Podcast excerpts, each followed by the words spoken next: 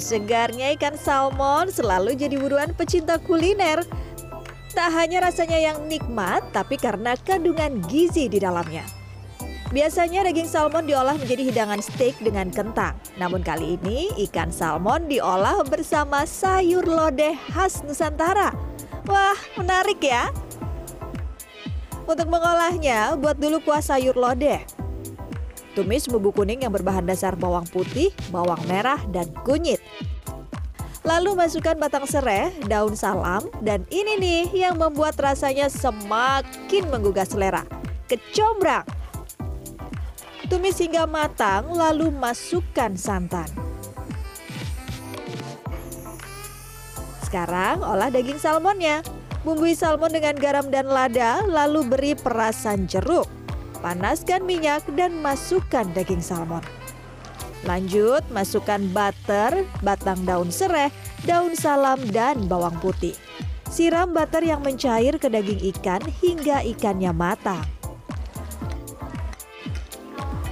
Daging ikan salmon yang sudah matang disajikan di atas kacang panjang.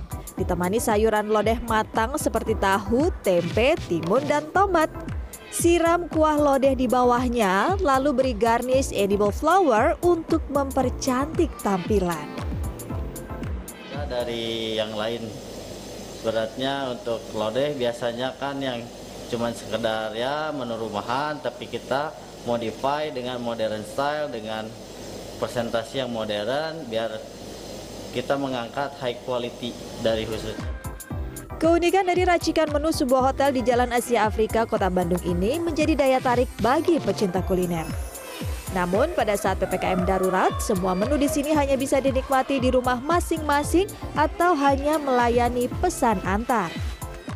Saya lihat ada menu baru. Itu sayur lodeh tapi pakai dicampur dengan menu western. Jadi ya saya cobalah. Enak juga. Seporsi salmon lodeh kecombrang dibanderol Rp148.000. Bagaimana? Tertarik untuk mencicipi atau mungkin mencoba membuatnya? Dian Permatasari, Bandung, Jawa Barat.